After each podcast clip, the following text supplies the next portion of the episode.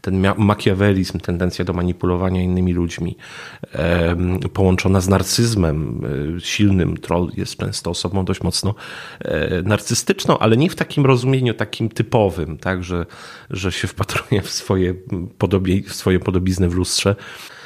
Jeżeli ja wchodzę w kontakt z kimś za pośrednictwem internetu, mam takie poczucie, że mogę sobie pozwolić na więcej. Do tej puli też oczywiście takie zachowania hejterskie moglibyśmy zaliczyć i wykazano, że taką, taką kombinacją, taką niebezpieczną kombinacją cech osobowości jest kombinacja wysokiego poziomu agresywności, no to nas pewnie nie dziwi, e, z wysokim poziomem nieśmiałości. Że bardzo często ofiara takiego hejtu, takiej no, mowy pogardy w internecie jest trochę ofiarą przypadkową. Podcast charyzmatyczny. Psychologia w codziennym życiu. Prowadzi psycholog Dawid Straszak. Dzień dobry, dobry wieczór. Z tej strony Dawid Straszak, a moim i Państwa gościem jest e, dr Jakub Kuś, e, wykładowca akademicki, e, prodziekan do spraw studenckich oraz psycholog nowych technologii. Cześć. Dzień dobry, cześć. Dziękuję bardzo, że, że przyjąłeś zaproszenie. No i to, o czym chciałbym dzisiaj z Tobą porozmawiać, to hejt. Hejt internetowy, um, agresja w sieci, trollowanie, czyli te, ta ciemna strona internetu, która mam wrażenie, że dotyka nas, nas wszystkich. I chciałem Cię zapytać, e, co to w ogóle jest ten hejt? Co to jest trollowanie? Jak moglibyśmy zacząć od zdefiniowania tych wszystkich pojęć? Myślę, że to, na co warto zwrócić uwagę na samym początku, to jest to, że e, używamy właśnie słowa hate.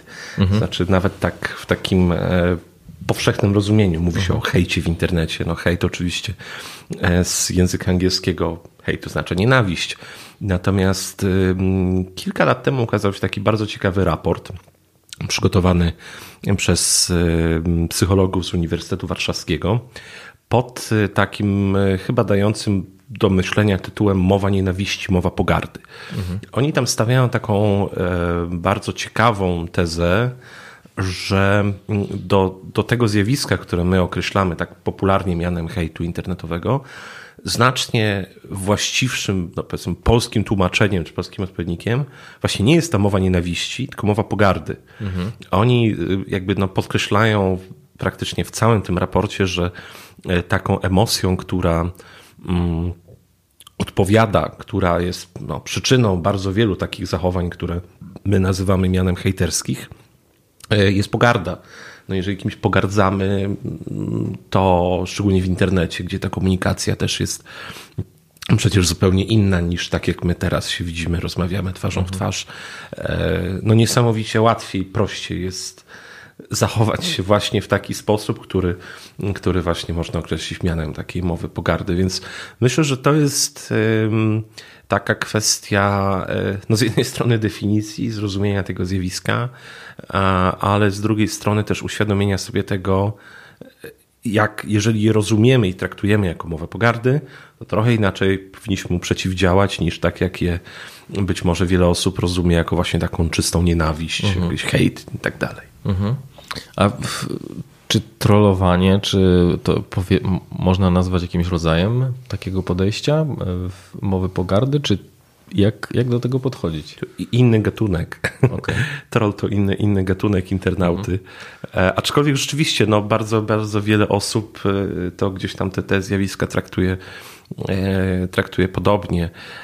No, troll chce mieć zabawę. Mhm. To jest podstawa. Znaczy, to nawet był taki kiedyś słynny artykuł dotyczący badań psychologicznych nad, nad trollingiem pod tytułem Trolls Just Want to Have Fun, mhm. e, gdzie, gdzie e, no, wykazano, tak mówiąc ładnym psychologicznym językiem, korelaty osobowościowe e, osób właśnie, które lubią trollować, lubią prowokować, tak? Może tak to powinniśmy mhm. trochę zawęzić. Lubią manipulować innymi ludźmi w internecie, lubią e, tworzyć takie sytuacje, w których, z których oni mają no, zabawę, tak? Mają mhm. ten fan. E, no, druga strona niekoniecznie. Ale to jest trochę coś innego. Znaczy, troll jest takim, bym, bym może powiedział, makie, makiewelistą trochę. Takim... No właśnie zaskoczyło mnie to, że mhm. w jednym z Twoich artykułów znalazłem informację, że troll wykazuje, e, dodatnio koreluje, żeby być precyzyjnym, ze wszystkimi cechami e, mrocznej triady, czyli psychopatyzmem, narcyzmem i makiawelizmem, czyli e, człowiek, który wpuszcza nas w maliny przysłowiowe w internecie,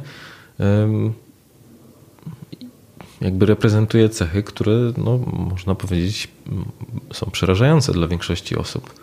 No, sama ta nazwa jest przerażająca, mroczna triada, prawda? To, to brzmi jak tytuł jakiegoś filmu sci- science fiction apokaliptycznego, ale, ale rzeczywiście tak, no, takie badania są i, i one pokazują, że e, jak się szczególnie połączy te cechy ze sobą, to, to zobacz, że mm, one się układają w taką dość spójną całość. Znaczy ten makiawelizm, tendencja do manipulowania innymi ludźmi, połączona z narcyzmem e, silnym. Troll jest często osobą dość mocno e, narcystyczną, ale nie w takim rozumieniu takim typowym, tak, że, że się wpatruje w swoje, podobie, w swoje podobizny w lustrze, e, ale raczej na takim, w takim znaczeniu, że a jakby jego dobre samopoczucie jest absolutnie nadrzędne.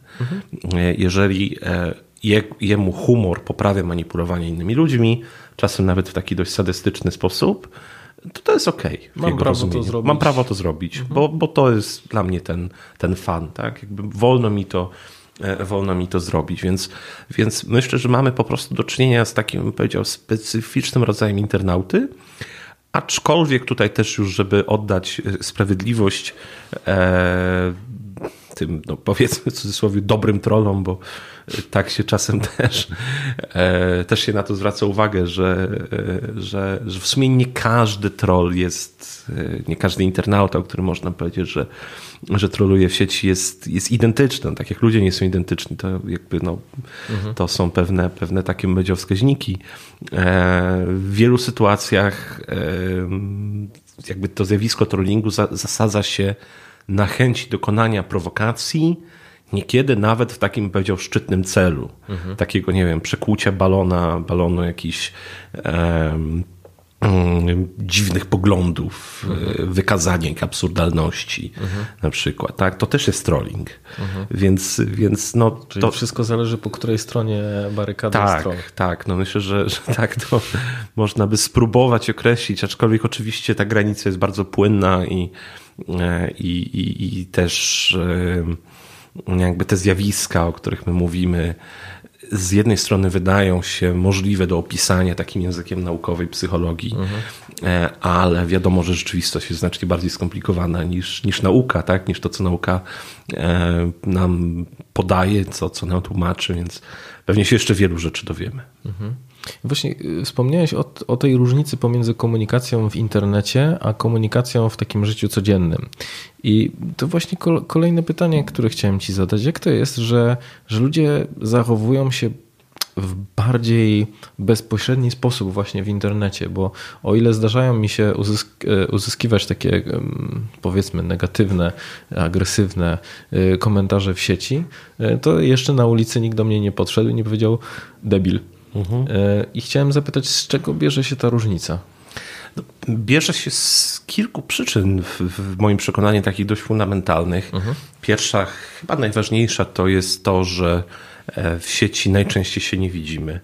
Mimo wszystko, taką, mimo całej tej rewolucji e, różnych Google Meetów i, i, i Teamsów i Zoomów w ostatnich latach, to to jednak w większości do siebie piszemy.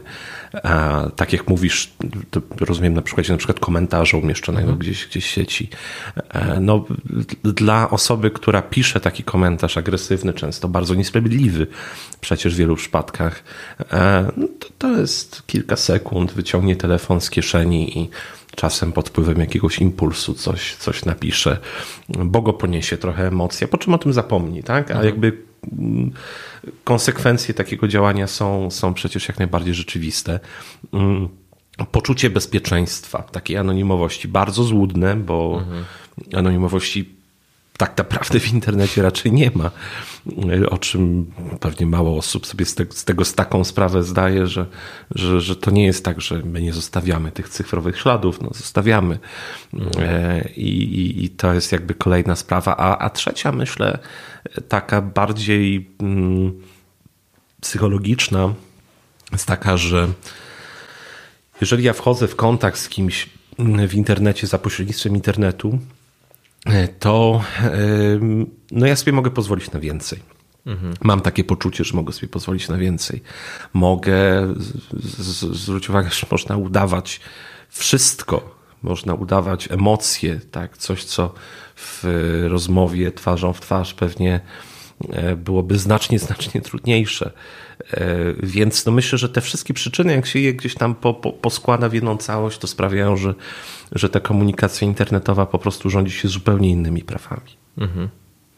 A czy są jakieś cechy, które, mm, które można by było przyporządkować do ludzi, którzy dopuszczają się właśnie takiej mowy pogardy, czy też hejtu, będziemy tutaj pewnie tego, tego zamiennie e, używać. Czy w, z Twojego doświadczenia albo badań e, wynika, że te osoby czymś się wyróżniają? Były takie bardzo ciekawe badania prowadzone na młodych ludziach, to znaczy osobami badanymi byli po prostu młodzi, nastolatkowie najczęściej, którzy e, byli sprawcami tego mhm. typu e, zdarzeń, byli tymi no, agresorami, po, po, mhm. powiedzmy. I mm, to, co chyba jest taką najbardziej dającą do myślenia konkluzją i no, w sumie przerażającą e, z, z pewnej perspektywy, jest to, że e, dla nich, jak się ich pytało, czemu oni to zrobili, czemu się zachowałeś tak, a nie inaczej, przecież sprawiłeś komuś krzywdę, sprawiłeś ból i tak dalej, to taki sprawca mówił, a wszyscy to robią. To mhm. był jeden motyw, a drugi, a bo taka jest konwencja. Tak? To, to mhm. był żart przecież, no to mhm. ktoś tam źle zrozumiał mhm. albo i nie. No ale generalnie to, to, to postrzeganie, e, postrzeganie e, jakby no, tego zachowania e, jakby kompletnie wykracza poza to, czym ono tak naprawdę było. Mhm. Bo ono było traktowane jako właśnie jako trochę, trochę żart, trochę jakiś taki taki rodzaj takiego, nie wiem, pędu społecznego. Wszyscy to robią, tak? Wszyscy wszyscy koledzy z klasy się znęcają nad tym kolegą, no to przecież nie będę tutaj się wyróżniał i, mhm. i nie będę e, odstawał od grupy, prawda? No to to szczególnie w kontekście właśnie takich młodych ludzi, nastolatków, e, no to wiemy doskonale, to, to, to, nie trzeba być psychologiem, żeby wiedzieć o tym, że ta potrzeba przynależności grupowej jest niesamowicie silna, szczególnie mhm. wtedy, E, to są też przecież procesy kształtowania się, formowania się osobowości, samooceny, e, w odniesieniu właśnie też do grupy, by, potrzeba bycia zaakceptowanym przez grupę. Więc no, różne te przyczyny są. Natomiast jeżeli chodzi o takie cechy osobowości, e, no to jest trudne pytanie, mhm. bo ym, można by się pewnie pokusić o jakąś taką Ciężko zbadać. diagnozę, ale to jest strasznie mhm. ciężkie do zbadania. E, takie... Już sobie wyobrażam pierwsze pytanie w kwestionariuszu. Jak często hejtujesz ludzi w internecie? na, na, skali od 1 do 10. Tak, a potem wypełni e, pytania dotyczące twojej osobowości, więc No, czasem się, że... się tak bada, czasem mhm. się tak bada, chociaż to być może brzmi to dość, dość sztucznie, ale, e, ale no, były takie badania, w których próbowano testować, sprawdzać zmienne osobowościowe właśnie osób, które których może nie tyle mówiono, że są hejterami, co mówiono o takim problematycznym używaniu internetu, ale w takim sensie problematycznych zachowań. Mhm. Do tej puli też oczywiście takie zachowania hejterskie e, moglibyśmy zaliczyć i wykazano, że taką, taką kombinacją, taką niebezpieczną kombinacją cech osobowości jest kombinacja wysokiego poziomu agresywności, no to nas pewnie nie dziwi, e, z wysokim poziomem nieśmiałości. Jeżeli szukasz psychologa, to zapraszam do swojego gabinetu we Wrocławiu lub na spotkanie online. Link do umówienia wizyty znajduje się w opisie filmu lub po prostu wpisz Dawid Straszak w portalu Znany Lekarz.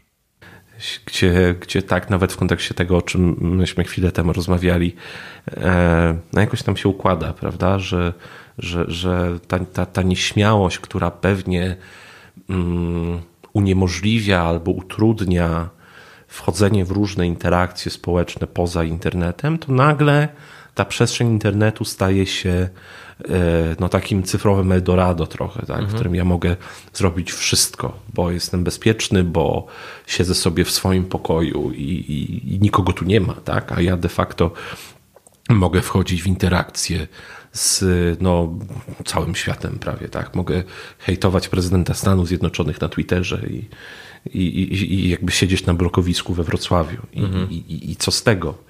Więc, więc myślę, że taka perspektywa też e, dla wielu osób, które mają właśnie takie jakieś, nie wiem, potrzebę, czy, czy sprawia im to jakąś dziwną przyjemność, no to internet jest po prostu miejscem, w którym jest bardzo łatwo o coś takiego.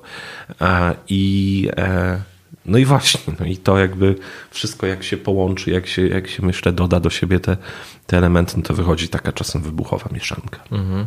No pomyślałem, jak wspomniałeś o tej nieśmiałości, że może to wynikać też z takiej frustracji, no jakby w życiu takim prawdziwym yy, ciężko mi nawiązywać kontakty z innymi osobami.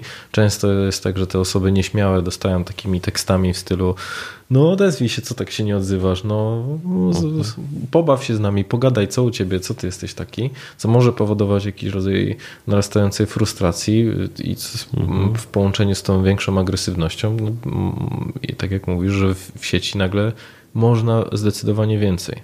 I to też było dla mnie zaskakujące, bo e, po jednym z, z filmów e, w opublikowanym na kanale dotyczącym właśnie tego, jak dochodzić do siebie po, po, po covid e, no, spotkałem się z taką potężną falą, e, nazwijmy to nieprzyjemnych komentarzy, albo z formatywnym feedbackiem, jakby to ładnie określić. E, I co było też dla mnie ciekawe, że często to były osoby, które miały imię i nazwisko, więc mogłem sprawdzić mhm.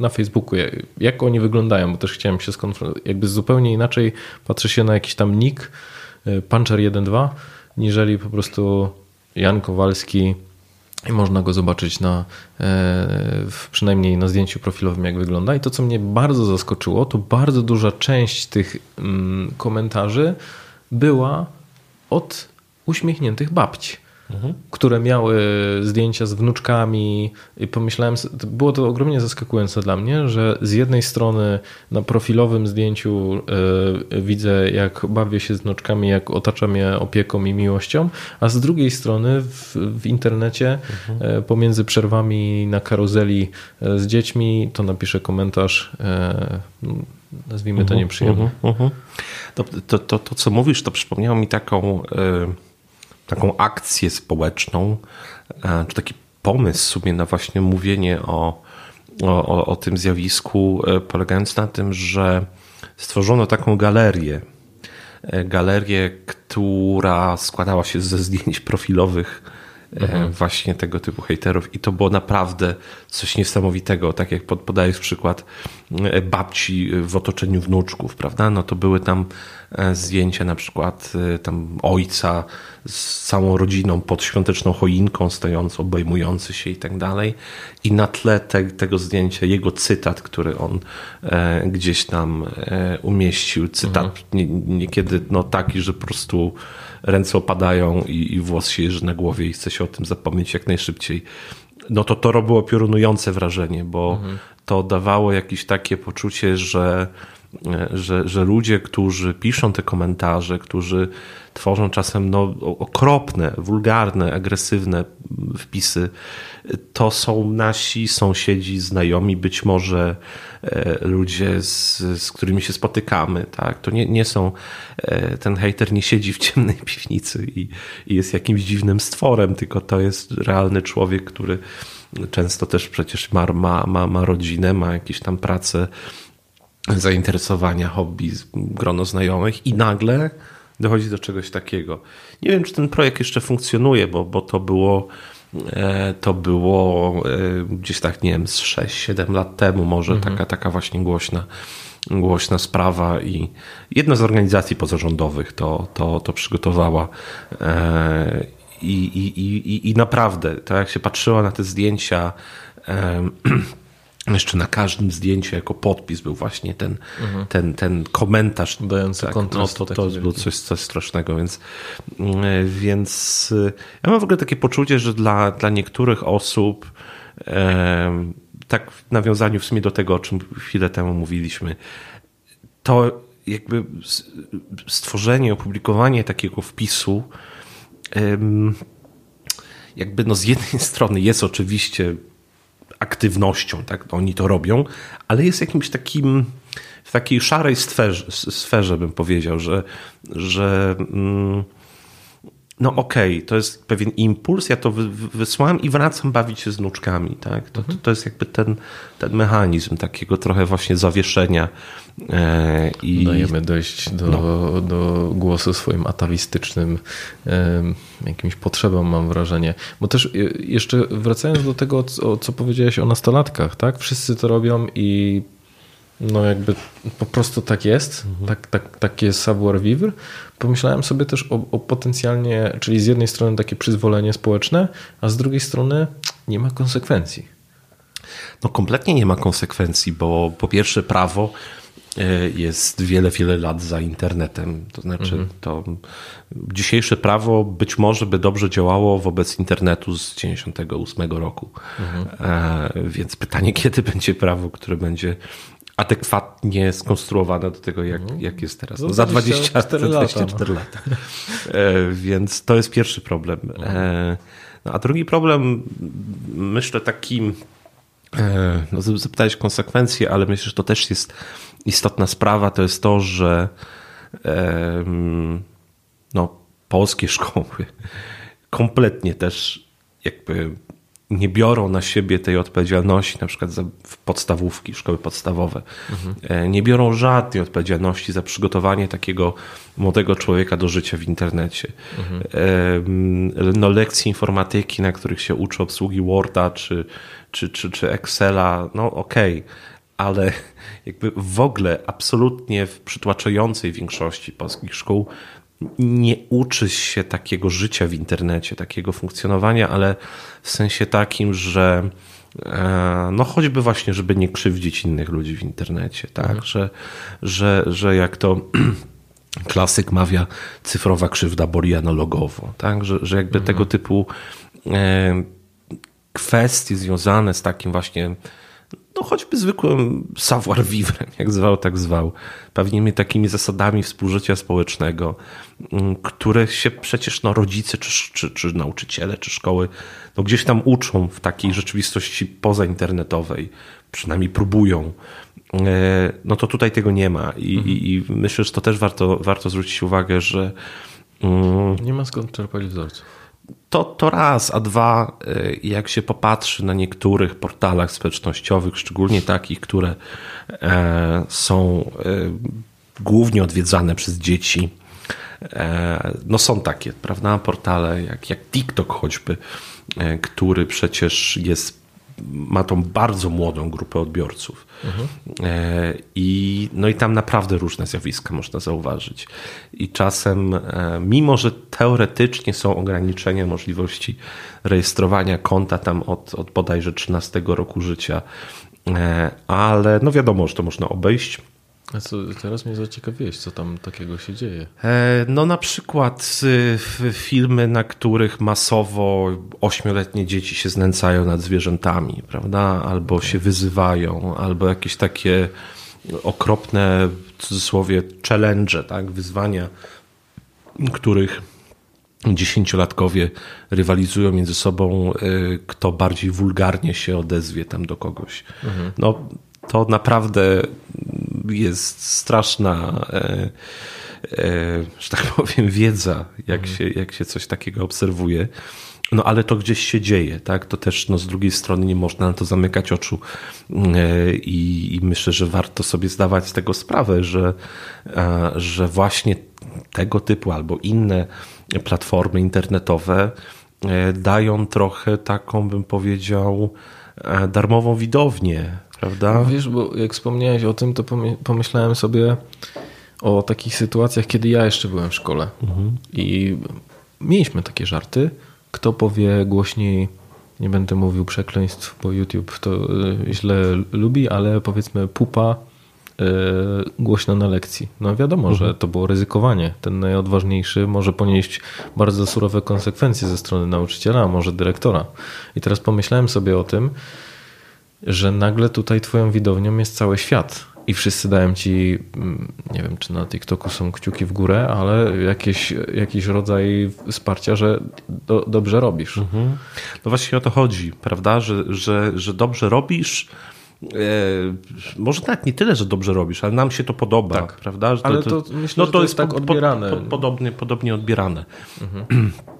Więc jakby ta cyfrowa widownia jest no, nieporównywalnie większa. To jest, to jest w ogóle zjawisko myślę przez wielu internautów sobie nieuświadamiane, jak, e, jak bardzo to, co ja robię w sieci, może, jakby do jak dużego grona ludzi może trafić. No Nieskończenie i, tak naprawdę dużego. I teraz chciałem Cię zapytać o radę, czy w ogóle jakkolwiek da się tym zarządzić? No bo y, jeżeli y, mamy rodziców, którzy nawet nie zdają sobie sprawy, w, w jaki sposób TikTok funkcjonuje często. Albo powiedzmy, że nie używają social mediów innych niżeli jakieś powiedzmy stare typu Facebook.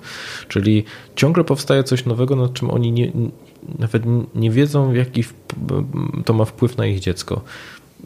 Dałbyś tutaj jakieś rady, jak na co uważać, na co szczególnie zwracać uwagę?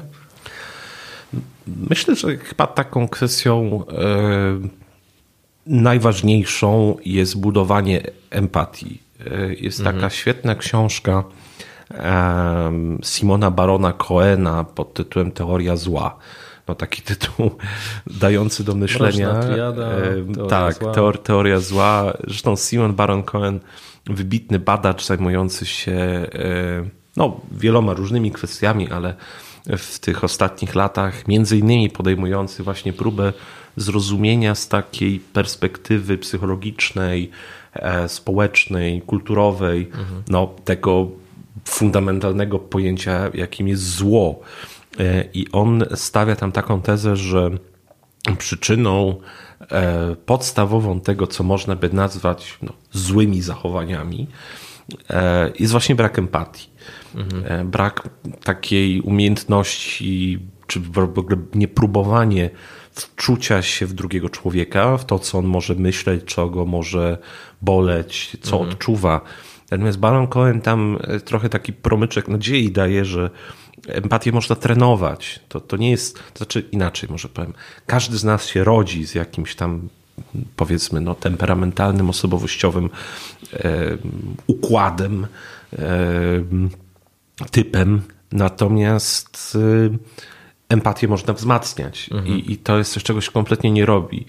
A w, może bardziej społeczeństwa, które na to zwracają uwagę, um, coraz powszechniejsze są takie, bym powiedział, treningi empatii, mhm. gdzie się właśnie e, no, trenuje tą umiejętność, bo to jest umiejętność, to, to, to że my zwracamy uwagę na, na drugiego człowieka, myślimy o tym, jak na przykład on zareaguje po tym, co my zrobimy, no to to jest pewien rodzaj reakcji, którą można wyćwiczyć. Mhm. I teraz y, wydaje się, że w kontekście internetu, no to to już jest absolutnie kluczowa sprawa, bo mm, tak jak y, dwie osoby się widzą twarzą w twarz, rozmawiają ze sobą, no to powiedzmy, no, tą empatię jest trochę łatwiej. Mhm. Ale kiedy siebie nie widzimy, kiedy mamy monitor przed sobą, e, smartfona czy, czy, czy komputera, no to to się robi już zupełnie inna historia. Mhm. Więc to jest jedna, jedna kwestia.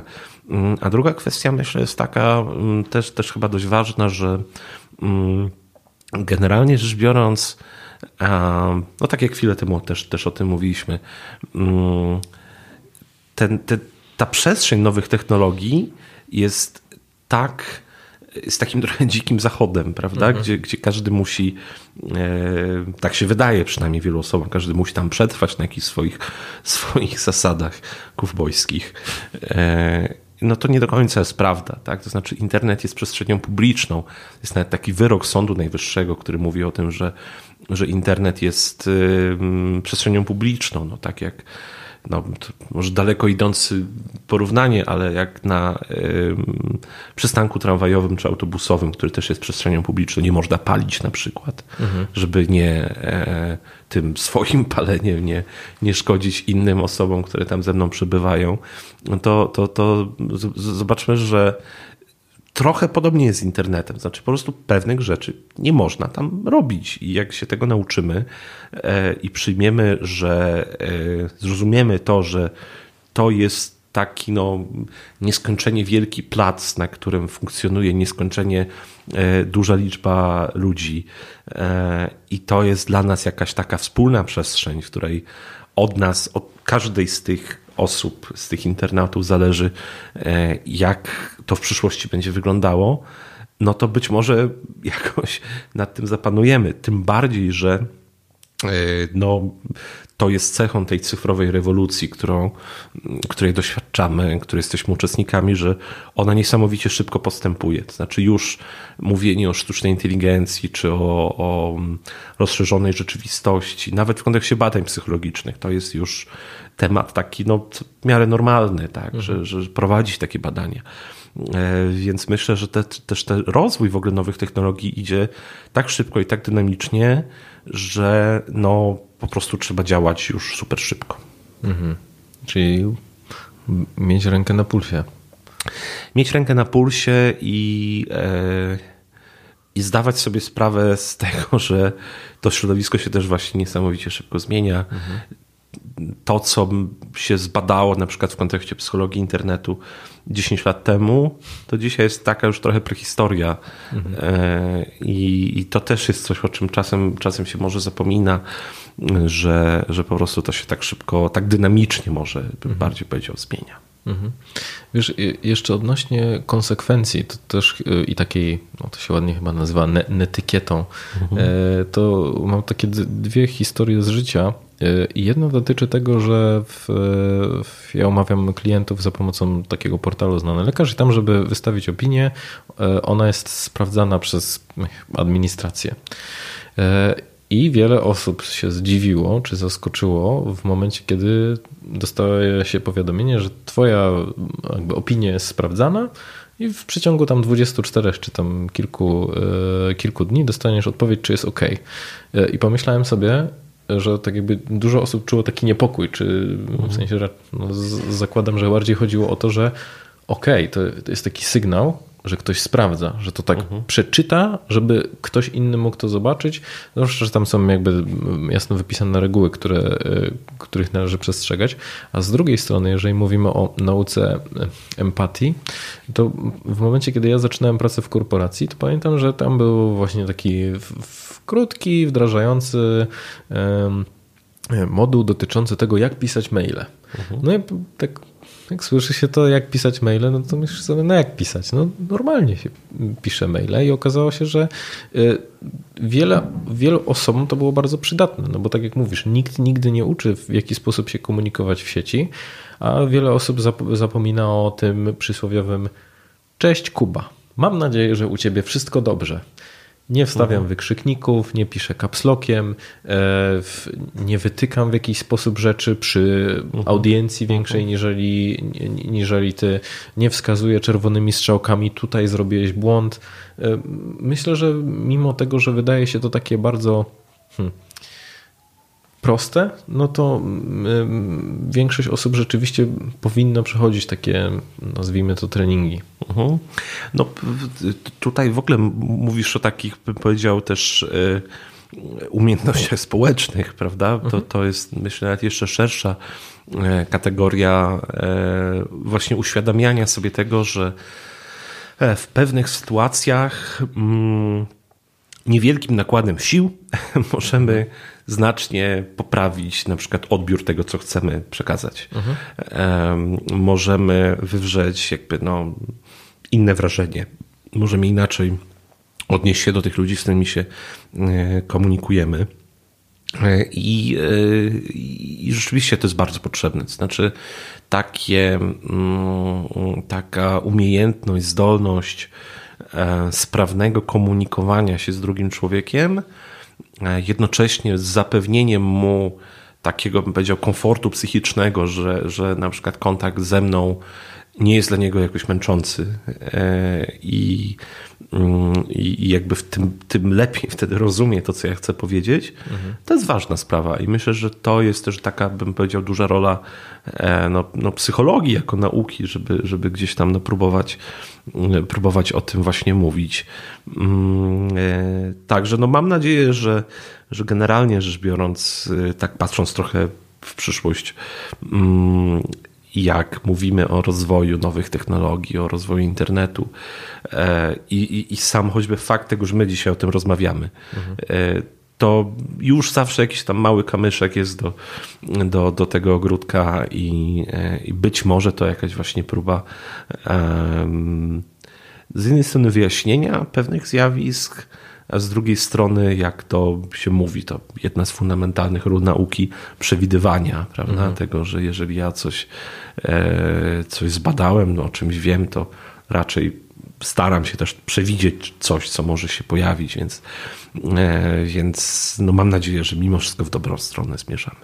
Mam wrażenie, że jedna rzecz, której nie byliśmy w stanie przewidzieć, to, to pandemia. I też chciałem zapytać czy ty obserwujesz jakieś zmiany w zachowaniach haterów, internautów właśnie w kontekście pandemii, czyli w tym okresie, w którym no, poniekąd zostaliśmy zmuszeni do tego, żeby przejść do tej sieci e, mocniej w kontekście właśnie przejścia na zdalne nauczanie w, w mhm. szkołach, na uczelniach. Większość pracowników przeszła na e, właśnie na taką pracę zdalną, więc czy tutaj obserwujesz jakieś zmiany?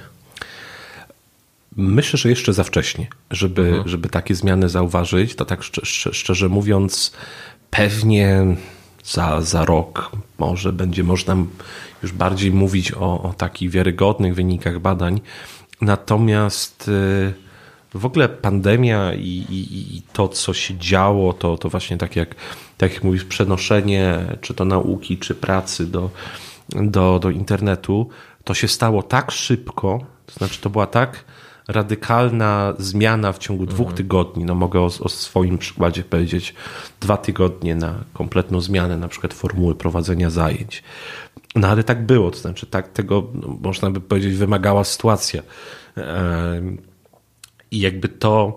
Ja, ja mam w ogóle takie poczucie, że, że pandemia e, domknęła trochę taki jeden z etapów właśnie cyfrowej rewolucji, mhm. że, że ona uzmysłowiła nam, i to nawet takim osobom, które kompletnie nic za bardzo z nowymi technologiami nie miały wspólnego, że da się. To znaczy, że jak przychodzi co do czego, no to nie było ucieczki, tak? To znaczy, mhm. ten internet po prostu stał się mm, przestrzenią, w której e, się, się uczyliśmy, pracowaliśmy i tak dalej.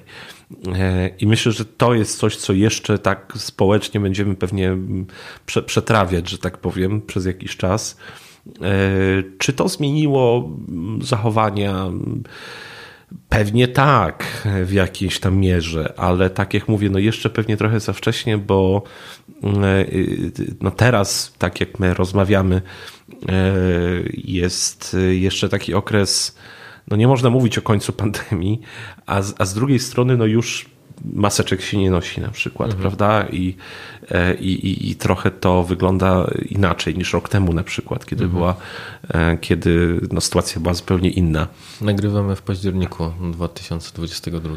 Tak, no jest październik, jest jesień 2000, 2022 roku e, i, i, i to jest taki, taki okres ja mam poczucie trochę przejściowy. Znaczy, mhm. e, jeszcze trochę jakoś tam e, jedną nogą, czy pół, pół nogi tkwimy w tych ograniczeniach pandemicznych, no, ale z drugiej strony e, to, co myślę na pewno się zmieniło, e, to jest to, że uzmysłowiliśmy sobie, ile rzeczy możemy w internecie załatwić, tak już do końca, że mhm być może dla niektórych osób zdecydowanie łatwiej i szybciej jest zorganizować spotkanie na Google Meet niż się spotkać. A kiedyś w ogóle nie przychodziło to do głowy, że można by się nie spotkać. Mhm. A, a, teraz się okazuje, no w sumie czemu, czemu, czemu by sobie nie zaoszczędzić czasu na przykład no na dojeździe. W grupie psychologicznej właśnie widziałem dyskusję na temat tego, że osoby prowadzące terapię zaczęły jakby wymieniać się poglądami czy u Was też obserwujecie takich klientów, którzy, którym się nie chce przyjeżdżać do, do gabinetu, tylko woleliby to robić zdalnie? Więc myślę, że nawet w takich obszarach e, uh -huh. pojawia się no, przejście. No, no właśnie, bo, bo, bo zwróćmy uwagę, że e, jeżeli mówimy o właśnie no, psychoterapii, no, nie jestem psychologiem klinicznym, ale, e, ale e, no nawet ja obserwuję taki właśnie trend, że, że mm, dla po prostu części osób okazało się to po pierwsze możliwe, no i teraz jakby chcą pociągnąć to dalej. Z tego co widziałem, badania nie wykazują jakiegoś spadku w y, skuteczności terapii, więc myślę, że po prostu to na plus. E, Chciałem też porozmawiać o jednym obszarze dotyczący, który myślę, że nie mógłby być nieporuszony w kontekście hejtu. Politycy. Mam wrażenie, że to jest grupa, która hejtu doświadcza o wiele częściej e, niżeli jakiekolwiek inne grupy zawodowe, społeczne. I z czego to wynika? Że tak chętnie hejtujemy polityków. Bo mam wrażenie, że już nawet nie w samym kontekście sieci to się pojawia, ale skupmy się, skupmy się na nim. No, tutaj pewnie wiele, wiele powodów jest. Myślę, że taki chyba najbardziej ewidentny, y, najpowszechniejszy to jest to, że po prostu politycy są, e, że tak to ujmę, na widoku. E, Są osobami publicznymi e, i mm, no, z racji gdzieś tam swoich funkcji pełnią, no, mają pewną władzę, tak? mają wpływ na rzeczywistość, która nas otacza. I, i, i to w, w niektórych osobach na pewno wywołuje takie, e, takie tendencje, taki trochę próby przejęcia kontroli, bo skoro ten polityk, e, nie wiem, pracuje w Sejmie czy jest w ratuszu mm, i e, i e, no on swoimi decyzjami wywiera konkretny właśnie wpływ na, może wywierać przynajmniej na, na to, co się dzieje w moim życiu, e, to ja być może odzyskać trochę pewną równowagę w tej relacji, będę starał się wywrzeć na niego wpływ w internecie. Oczywiście skala jest kompletnie różna, e, ale tak jak, tak jak rozmawialiśmy i też e, no tak użyłem takiego przykładu dyskutowania powiedzmy z prezydentem Stanów Zjednoczonych na Twitterze. E, No różni polscy politycy mają swoje fanpage, mają swoje witryny w róż, strony w różnych mediach społecznościowych. No wejść z nimi w dialog, jak zwał, tak zwał, e, albo ich zhejtować wtedy, to jest kilka, kilka kliknięć, więc e, to znowu no, zupełnie inna perspektywa, zupełnie inna platforma, zupełnie inne możliwości, prawda, które daje, daje internet. E, Ale no, to się pewnie wiąże nieodłącznie z byciem osobą publiczną, tutaj nawet sze- szerzej rozumianą niż bycie pewnie, pewnie tylko politykiem. E, No ale na pewno politycy są tutaj na pierwszej linii frontu. I Mam też pytanie o tym, co my jako osoby, które są w internecie, doświadczą tego hejtu, jak sobie radzić. Napiszemy jakiś komentarz, no i ktoś nas przygrilluje albo stroluje. Co robić, co, jak do tego podchodzić, żeby no, zachować też ten, to zdrowie psychiczne. Myślę, że powinno się y, uświadamiać sobie samemu, a, że bardzo często ofiara takiego hejtu, takiej no, mowy pogardy w internecie jest trochę ofiarą przypadkową. To znaczy, e, jest wiele dziesiąt badań pokazujących, że e, czasem po prostu taki hejter ma potrzebę no, wyładowania się, powiedzmy, e, i rozładowania swoich emocji. On obiera sobie ofiarę tak, kto tam się, że tak powiem, nawinie. E, Czyli to trochę na takiej zasadzie, że wiem, stoimy w kolejce w Biedronce, ktoś e, w, komuś weszliśmy przez przypadek No w kolejkę, przykład, on tak. wybuchnie na nas, Akurat, bo jest tak. sfrustrowany, bo szef na niego nakrzyczał. Na przykład. To jest jakby jedne, jeden, jeden rodzaj sytuacji. Drugi rodzaj sytuacji no to rzeczywiście, jak, jak to ewidentnie jest w nas y, wymierzone, y, to, no to tu myślę, że zwróćmy uwagę, że generalnie internet jako, jako medium, jako platforma komunikacji nasila pewne zachowania. To znaczy, to jest ten, ten żal, powiedzmy, ta, ta agresja, ona jest taka przez lupę, tak? ona jest powiększona. Ona jest powiększona z samego założenia, bo, bo jakby sposób komunikowania się w internecie po prostu jest inny e, i e, no, twarzą w twarz ktoś mógłby nam powiedzieć, nie wiem, nie jestem zadowolony z pana usług. Mhm a w internecie napisałby, no już może nie, nie, nie wyobrażajmy sobie, co by w internecie napisał, ale na pewno ostrzej i, i być może wulgarniej, tak? I w ogóle w taki sposób znacznie mniej przyjemny. E, więc e, no o to chodzi, tak? Że, że to jest po prostu krzywe zwierciadło takie cyfrowe i, e, i, i my się w nim odbijamy, widzimy jakieś karykatury, a no właśnie, a to są tylko karykatury, to, to nie jesteśmy my. To ktoś nas postrzegał, czy określił w taki, a nie inny sposób. Mm. No, konsekwencje tego oczywiście są, są często bardzo bolesne, ale, mm, ale myślę, że jeżeli będziemy starali się tak podejść na chłodno do tego, mimo wszystko, mhm. i, i ze świadomością właśnie tego, że, że to jest inny rodzaj komunikacji, która po prostu z założenia jest mocniejsza, że ona, mm, ona po prostu rządzi się swoimi prawami, no to być może to trochę by nam pozwoliło się e, no, odnaleźć w takiej sytuacji. Mhm. Super. Ja jeszcze dodam też kilka takich e, powiedziałbym rad, które zasłyszałem od osób, które tworzą w internecie, więc powiedzmy, że bliżej im do polityków, niżeli mhm. takich codziennych, e, codziennych użytkowników internetu, z tego względu, że ta ekspozycja się zwiększa, czyli zabieram głos, więc automatycznie e, zwiększam prawdopodobieństwo, że, że, że mm, jakby dostanie mi się. Mhm. E, zresztą w jednym z Twoich artykułów podawałeś takie statystyki, że 25% osób staje się ofiarą hejtu, mhm. a 10 czy 11% przyznaje się do tego, że hejtowała. Mhm. A zakładam, że więcej hejtowała, tylko. tylko się może do tego nie przyznawać. I e, te osoby wskazywały mi e, kilka takich rzeczy, które im pomagają. Pierwsza rzecz jest trochę takie statystyczne podejście. To znaczy, że jeżeli zakładamy, że w badaniach wychodzi, że 10% osób hejtuje, i z, jako też z perspektywy trenera mogę to potwierdzić, że przynajmniej 10% ludzi na szkoleniach jest raczej takich mhm. mm, mhm. a nuda było, wiem, znam, nie do końca mi się podoba. E, to y, zakładając, że ilość wyświetleń, lajków czy czegokolwiek jest jakimś miernikiem liczbowym, który, a im jest większy, tym większy gwarant, że negatywny komentarz się pojawi. Czyli mhm. po prostu to jest statystyka. Mhm. Druga rzecz y, to to, żeby usuwać negatywne komentarze. I na samym początku pomyślałem sobie, no kurczę, to trochę nie, wolność słowa, trzeba wszystkim dać y, możliwość mhm. wypowiedzenia się. No co dostałem bardzo, y, bardzo szybką odpowiedź składającą się z dwóch rzeczy.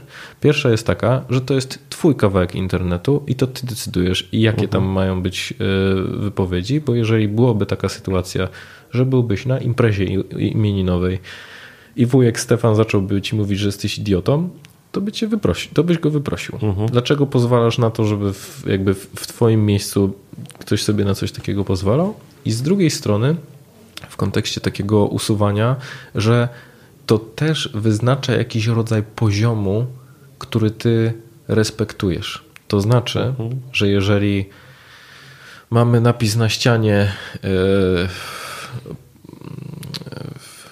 jakaś partia polityczna jest do niczego, to jest większe prawdopodobieństwo, że pojawią się też inne tego typu napisy. E, więc tak samo ta zasada pewnie będzie działała w sieci. No i już tak jakby schodząc na naszą część psychologiczną, e, jeden z komentarzy bardzo mi się spodobał dotyczący tego, żeby zwrócić uwagę, dlaczego, dlaczego ciebie to dotyka. Żeby mhm. poszukać trochę odpowiedzi w sobie, co w tej odpowiedzi, co, co, co w tym komentarzu jest takiego, że no jakby obca osoba jest w stanie, która totalnie cię nie zna, jest w stanie wyprowadzić cię z równowagi. No i też z drugiej strony wiele osób wskazywało mi o to, żeby mm, zrobić sobie takie, nie wiem, grupę osób, które może mieć wpływ na ciebie, czyli powiedzmy, że słucham tych pięciu osób albo ekspertów mhm. z różnych innych dziedzin, a innych nie biorę pod uwagę, no chyba, że to są powtarzające się komentarze, I jeszcze jedna ciekawa rzecz, o którą też Ciebie chciałem podpytać, bo zauważyłem taką prawidłowość, że następuje takie zgrubienie tej skóry na twórcach, mhm. że oni przestają słuchać. To znaczy, że nie przejmują się tym, co inni mówią. Mhm. Zakładam, że to jest jakby taki naturalny mechanizm związany z tym, że jeżeli stajesz rano i sobie przeczytasz pięć komentarzy negatywnych, no to żeby zachować zdrowy rozsądek, musisz się do tego zdystansować. I zauważam taki, taki, taką prawidłowość, że te osoby się przestają przejmować tym, co inni mówią, no bo to jest ich jakby mechanizm do tego, żeby, żeby funkcjonować normalnie. Mhm. No, taki mechanizm obronny, prawda, który, który gdzieś tam pewnie, e, pewnie rzeczywiście wiele osób takich publicznych uruchamia e, po to, żeby, e, żeby no, jakoś móc funkcjonować. No, e, to jest trudna sprawa, bo e, tu, tu, tu tak naprawdę pojawia się rozgraniczenie tego, co, e, co jest jakąś powiedzmy krytyczną opinią, a, e, a co jest nie wiem, rodzajem hejtu czy, czy, czy mowy pogardy. No wiadomo, że nie każda krytyka jest, jest, jest hejtem, nie każda krytyka jest czymś, co jakby z założenia należy, e, należy odrzucić. Natomiast no rzeczywiście taka, taka no to, to psychologia lu- lubi to określać mianem ha- habituacji, prawda? Przyzwyczajania się do, do no, pewnych bodźców, no, do pewnych zjawisk, tak? W tym przypadku do, do stykania się z taką, z taką agresją. E, No myślę, że to jest generalnie rzecz biorąc coś, co mm, on też jest takim znakiem naszych czasów. E, I myślę, że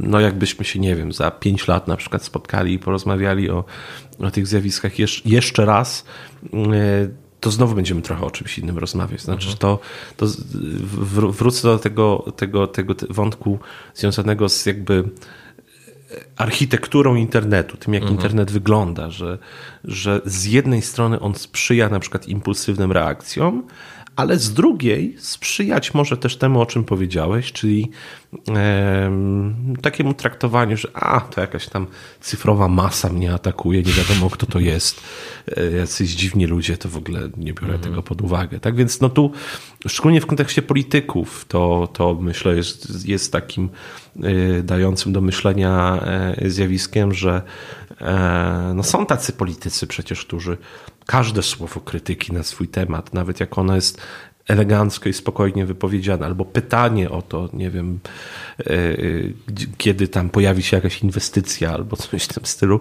już traktują jako hejt i już się do tego odnoszą e, często w bardzo też nie, nie, nieciekawy sposób. Więc no, nie można wpaść w taką pułapkę. To no, kwestia, kwestia oczywiście gdzieś tam odpowiedzialności i komunikacji, ale ale internet temu sprzyja. To znaczy sprzyja wpadaniu w takie właśnie e, uproszczone schematy reakcji. Czyli to ciekawe, jak powiedziałeś o tym, że jeżeli ta rozmowa nastąpiłaby za jakiś czas, to już zupełnie inne podejście byśmy mieli do, do, do tego, także proszę słuchać jej teraz. Apeluję do słuchaczy. Kuba, z- mojej strony to wszystko, także dziękuję Ci bardzo, Bardzo za, dziękuję. za, za poświęcony czas.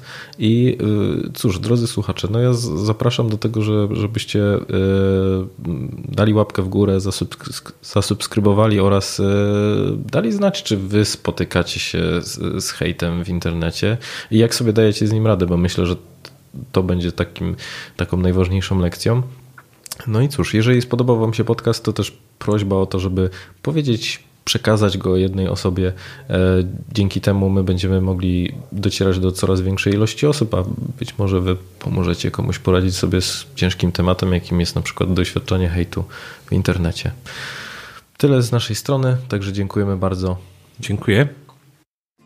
Słuchasz podcastu charyzmatyczny. Zasubskrybuj, daj kciuk w górę lub skomentuj.